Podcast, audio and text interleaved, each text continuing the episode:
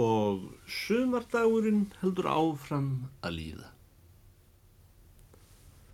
Nú sem ég sýt þar í kálgarðinu og er að skemta mér þannan sumardag og flugan er að suða og það er ekki hljóð í pútonum og netakompanans afa míns er á hálfa gátt og sólinn skín af heiðum himni með eins mikill byrtu og sólfær skínið í þessu jarðlífi.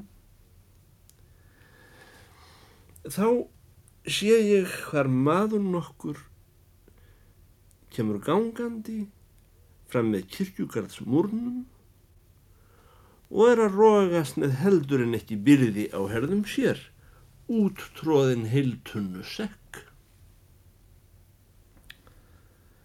Maðurinn albógaði sig með pokan í gegnum krosslíðið okkar sem var ekki nema svo sem alin á breytt.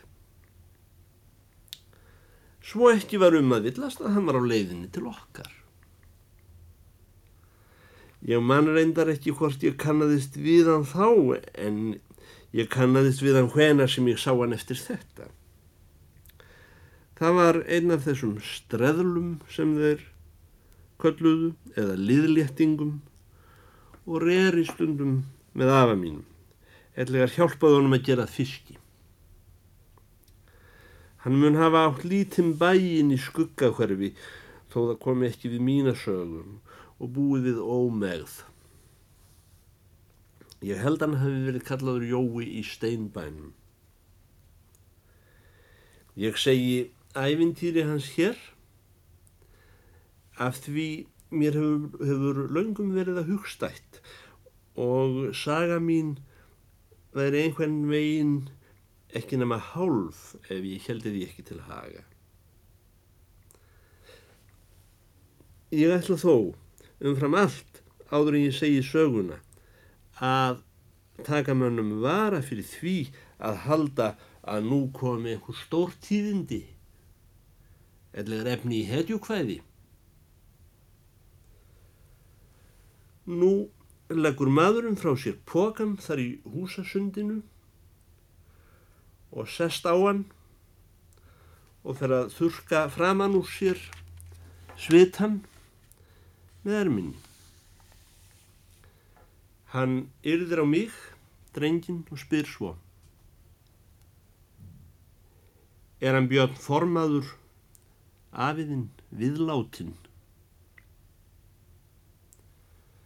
Þegar afi minn var komin út úr netakompunni og fram í húsasundi þar sem sólinn skein á fiskreistrið, þá stóð gesturinn upp af pokanum, fjall á kniebeð hjá byrði sinni, tók hann hattinn sinn og fór að vinda hann, laud höfði og meldi svo. Ég stál frá þér þessum mó í nótt björnum. Úr móhlaðanum þínum hérna norðan undir hjallverknum. Jæja, saði afi minn. Það var ljótt verk. Og ekki nema svo sem vika síðan ég gaf þér póka að mó. Já, mér hefur ekki heldur komið dúr á auga í alla nótt fyrir samvisku kvöl, saði þjófurinn. Ég hafði ekki einu sinni list á kaffivatninu mínu í morgun. Ég veit, ég sé aldrei gladan dag framar fyrir en þú hefur fyrirgefið mér. Já, það er verkurinn, saði Björn í brekkukoti. En reyndu þó að standa í fætunar rétt á meðan við tölum saman og setja upp hattinn Mér finnst ég muni aldrei framar geta staðið upp á æfiminni, saði þjórun. Og þaðan af síður sett upp hattin. Afi minn tók hátíðlögin efið. Já, það er ekki von þér sé létt í skapi eftir annan eins verk og þetta, saði hann. Má ekki bjóður í nefið. Hafðu sæll bóðið, saði þjófurinn, en mér finnst ég eigiða bara ekki skilið. Jæja, þá það geið mitt, saði afi minn. En í svona máli þarf ég að hugsa mig um. Vilt ekki gera svo vel og ganga í bæin og drekka botla af kaffi meðan við tölum saman? Þeir skildu þýfið eftir í myrju húsasundinu, gengu inn og sólinn skein á mópokan. Þeir gengu til stofum. Fáði nú sæti og síndaði þér kæti, saði aðminn. Þjófurinn let böglaðan hattkúfin sinn undir stólinn og settist. Já, þetta er nú meiri blessu tíðin, saði aðminn. Ég held að hefi gefið upp á hundag síðan um sömar mál. Já, saði þjófurinn. Það er mikil blessu tíð.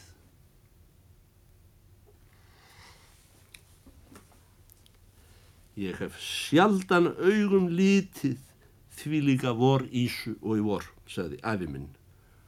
Rauð í sárið og angandi. Já, því lík blessuð ísa, sagði þjólun. Eða þá sprettan í túnunum, saði afi minn. Já, það er nú líkast til, saði þjófurinn, því lík spretta. Amma mín stóð þeim fyrir beina. E, þeir heldu áfram að ræða um tíðina til sjós og lands millir þess sem þeir sötruðu kaffið. Þegar þeir voru búin með kaffið stóð þjófurinn upp og þakkaði fyrir sig með handabandi. Hann tók hattinn sinn upp úr gólfinu og bjóð sig til að hverja. Afi minn fylgdi honum út í húsasundið aftur og þjófurinn helt áfram að þæfa hattinn sinn millir handana. Ætlaðir þú kannski nokkuð að segja við mig áður en ég fer björn minn, saði þjóðurinn. Nei, saði afi minn, þú hefur unnið það verk sem Guð getur ekki fyrirgefið. Þjóðurinn varp öndinni og saði látt. Jæja björn minn, ég þakka þér innilega fyrir kaffið og verðt sæl og Guð stýðið í bráðalengd. Farðu sæl, sagði aðeins minn.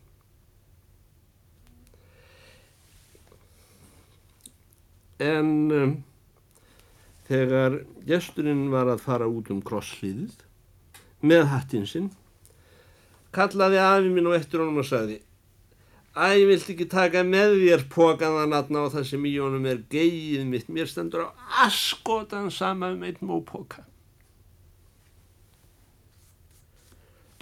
Þjófurinn sneri við í krossliðinu. Kom og rétti afa mínum höndina aftur í þakklæti skinni en mátti ekki mæla. Hann begði af meðan hann sett upp hattin. Síðan axlaði hann mópokan að nýju og mismunaði sér meðan út um krossliðið sömu leið og hann var komin á þessari blessaðri tíð. Þriði kapitúli. Sérstakur fiskur. Nú hefur verið sagt frá því hvernig afi minn var rétt trúaður maður án þess honum dýtti þó í hug að byggja Guð um að taka sér mennina til fyrirmyndar eftir þeirri einkennilegu bæn fadurvorsins þar sem segir fyrirgef oss svo sem við og fyrirgefum. Afi minn sagði hreinlega við kallin í stembænum Guð getur ekki fyrirgefið þér. En mér byrni í brekkukoti standra á andskotaðan sama.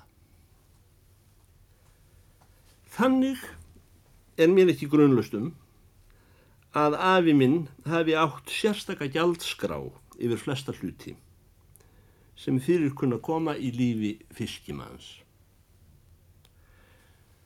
Þessu til áréttingar skal ég nú minnast lítilega á fiskimál eins og þau mál hordu við hjá okkur eða réttar að sagt síðarlagmál í, í sambandi við fisk. Segja má að hugmyndir afamins um útgerð hafi átt sér aðeins takmarkaða stóð í því þjóðfélagi óðfara breytithróunar sem á eskudögum mínum tók við fyrir utan krosslíðið í brekkukoti. Hittir hann að mál að enn var ekki þar komið að við erum áþreifanlega vör við þetta félag sem var að byrja að olga í kringum okkur. Að minnstakosti get ég fullirt að ég er alin upp við mat á penningum sem er all fjari bankaskráningu. Ég held að okkar skráning hafi átt rót sína að reykja til þeirrar skoðunar afa míns að fjeð sem menn telja sér væri óleifilega samandreið eða það sem kalla var áður fyrr falsaður steðji ef það færi fram úr meðaltekjum vinnandi manns. Og þannig væru allar stórar fúlgur í ósamræmi við skinsamlegt vit. Ég man að ég heyrði hann íðulega að segja að hann tæki aldrei við meira fjö en hann hefði unnið fyrir. En hverju vinnur maður fyrir? mun margur spyrja. Hversu mikið á maður skilða fá? Hvað miklu má fiskimaður taka móti? Hér er nú hægt við að komi heldur betur til teits og siggu. Nú á dögum myndi hver sá maður sem hafnar verðskráningu bankans verða að leysa floknar siðferðilegar gestaþrautir upp á sitt endæmi oft á dag. En ekki virtust þær gátur vefjast fyrir afa mínum nýja valda honum áhyggjum. Vandamál sem flestum mönnum myndi virðast upphaf síflækju. Leisti hann mikilsti hugsunar laust með samskonar öryggi og sveppganga þræðir sig einhver staðar nær miðju í sextugu hengiflugi. Já, mér likur við að segja með samskonar virðingarleysi fyrir náttúrulagmálunum og afturganga sem fyrir gegnum heilt.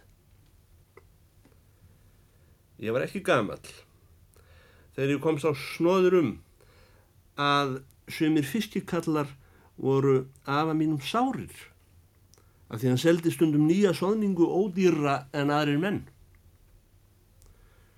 Þeir kolluðu ódrengilegt að etja með lægri bóðum kappi við góða menn. En hversu mikilsvirði er einn rauðmægi?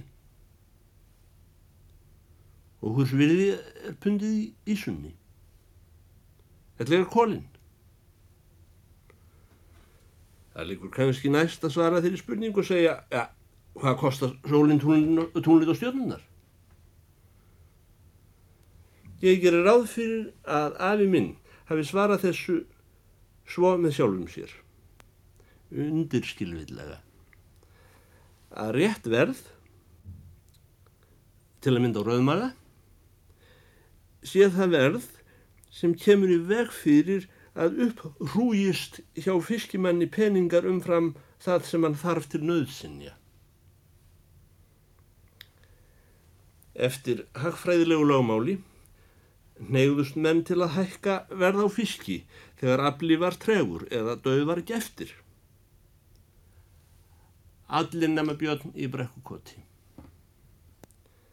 Kæmi einhver til hans og segði Ég skal kaupa þér allt sem þú hefur á börunum í dag við helmingi eða jafnvel þrísvarsinum herra verði en vandur. Þá leita hann með tómlæti á þennan mann, er slíkt bóð gerði.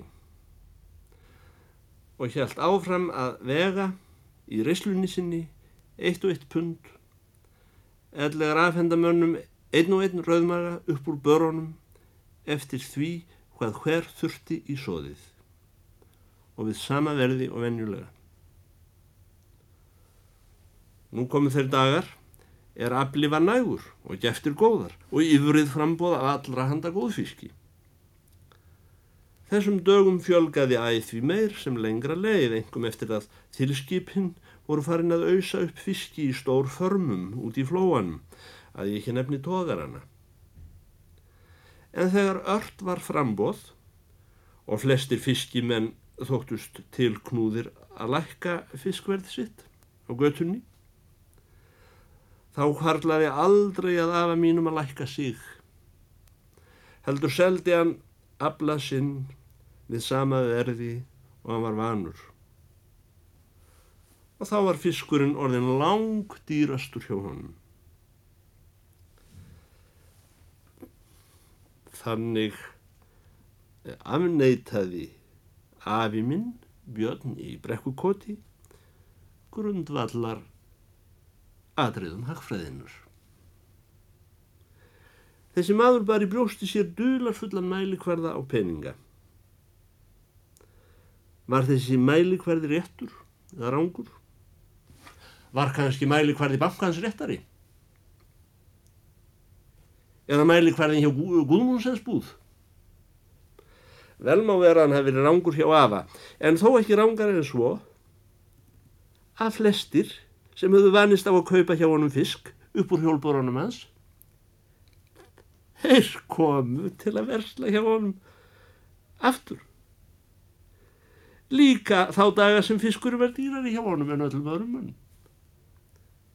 Hvar sem var í bænum heyrðist þeirri skoðun haldið fram, jamilinn undir átna post og meira segja allir upp í Mósvelsveit að fiskurinn hjá honum býrn í brekkukoti væri ljúfengar en annar fiskur. Menn trúðu því að Björn í brekkukoti drægi með einhvernum dularförnum hætti betri og fallegri fiska upp úr sjónum en aðeins menn. Og þess vegna vildu allir kaupa fisk hjá býrni í brekkukoti, einnig þá daga sem fiskurinn var dýrari hjá honum en öðrum mönnum.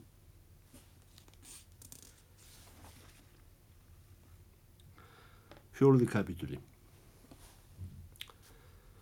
Hvers við er biblían? Nú hef ég rætt nokkuð um fisk. En ég er enn ekki fann að tala um biblíuna. Ég get ekki skilist við þetta mál án þess að minnast lítilega á verðskildi biblíunar hjá okkur.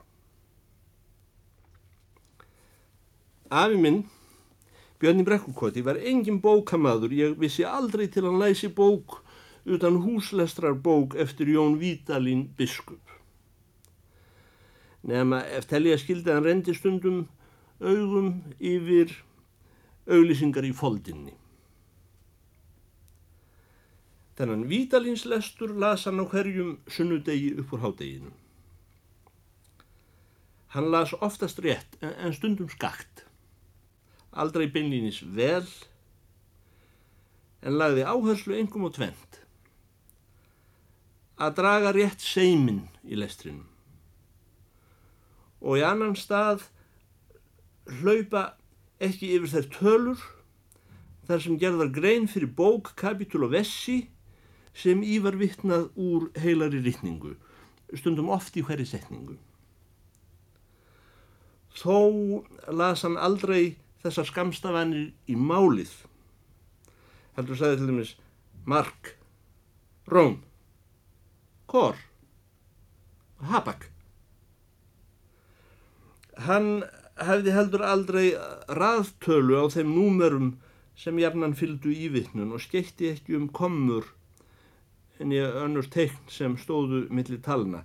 Í staðin fyrir að lesa til dæmis fyrsta bref til Korintu manna 13. kapitúla 5. vessi um, e, þá las hann eitt kort 135 en honum skeikaði sem sé aldrei í þessu sérstaka lestralagi sem fólk hér fyrir meir hafði við Guðs orð. Þessum tilbreytingalösa og hátíðlega tóni með hári rallegu og rapi sem endaði í kvarttóni í loksetningar þessi lestur bara engin verð aldrei merki en var dálítið í ætt við talanda hjá sumu geðbiluðu fólki Sá listamæður er ekki lengur fættur á Íslandi sem kunni þennan tón. Mér er með öllu fyrirmunað að segja hverjir hugsanir vöknuðu hjá afa mínum byrni brekkukoti við þessar yvittnanir postillunar í forna sérvitringa úr miðjarðarhafsbótnum að viðbættri þraut kjærfaðri guðfræði þýskra sveitamanna eins og hjá mestara Jóni. Margir myndu telja andlega starfsemi eins og lestur hans innan tóman form hengilshátt. Mér er eigður sær að ég heyrði hann aldrei vika orði að neinu því sem stóð í postillunni. Nefnarð ég var við aðrar guðræknis yðganir af hans hálfu en þennan sunnudagslestur.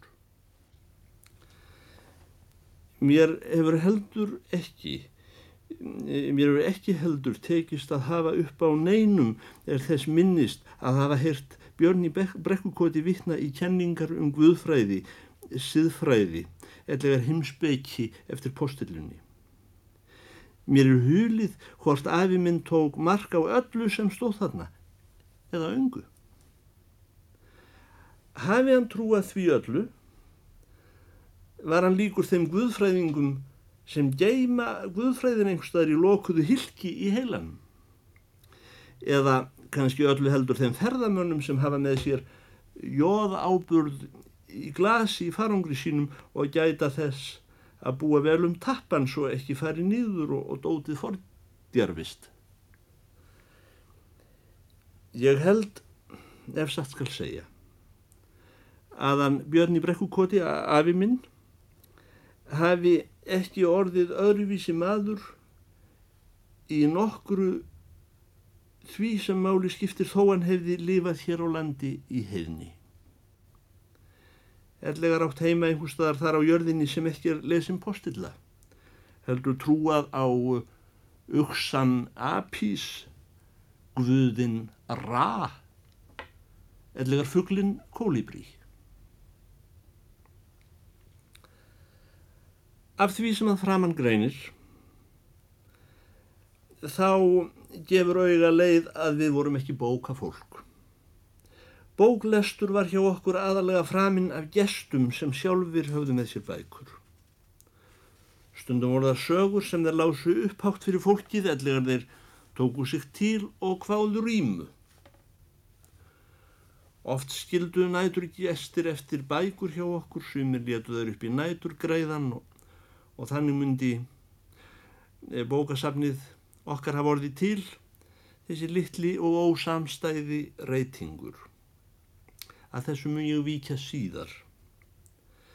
En þó ymsar bækur hefðu orðið innliksa hjá okkur, þá uppgötvaðist ekki að við í brekkukoti vorum biblíulöst fólk fyrir en að þórður kallin skýrari fór að vera hjá okkur. Og er ég þá loks komin að því efni sem nú var mér efst í hug. Það er kunnarum fráþurfi að segja að eftir íslenskri verðskrá fornri kostar biblían sem svarar kvíildi og þá er átt við snembæru, ellegar sex ær, loðnar og lemdar. Verðið stendur á titilsíðu þeirrar biblíu sem prentuðar í afdal nokkrum hátt til fjalla á Norðurlandi árið 1584 og hafa Íslendinga sem kunnugt er aldrei trúað annari biblíu en þeirri. Svo biblíu er gerð með listilegum bókannútum og útskornum þrykkimyndum og er tíu merkur á þyngd og einna líkust rúsínukassa í læginu. Þessi bók hefur jafnan verið til í skári kirkjum á Íslandi. Það var einu sinni sem oftar að sumri til að gest barað gardi í brekkukoti og sagðist hann vera komin hingað á dampskipinu. Hann var síðan gestur okkar nokkrar vikur í senn, tvöð á þrjú sumur eftir það.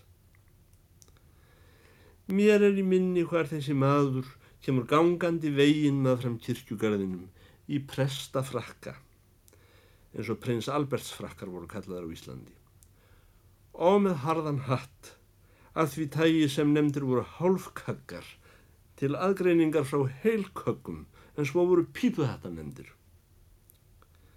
Þessi maður var með gúta perkaflippa kræktan saman í nakkanum Þetta var hann, Þorður kallinn skýrari, eða eins og hann kallaði sig, Þorður baptisti. En það sem kom mér til að halda að hér væri nýr móðþjófur á ferðinni, voru þau kinduheit að þessi frakkaklætti maður, sem var að öllu leiti eins og heldri maður til síndar, bar á bæti sér stryga poka. Út tróðinn af einhverju sem mér síndist vera mókaglar. En það er skemst frá að segja að það var ekki mór sem hann bar á bækinu heldur eintómar biblíur. Annan farangur hafðan ekki. Ekki skal ég um segja hvernig á því stóð að frakkaklætur maður sem kom á sjálfu dampskipinu utan á löndum skildi óðar stefja suður eftir til okkar í þetta moldarhús á istumörkum heims menningarinnar. Þar sem hugsu fýblar á þakkinu. Í staðin fyrir að draga inn á hótelið í Ísland, þar sem hann hefði sónt sér vel innan um stórhauðingja og úrlendinga.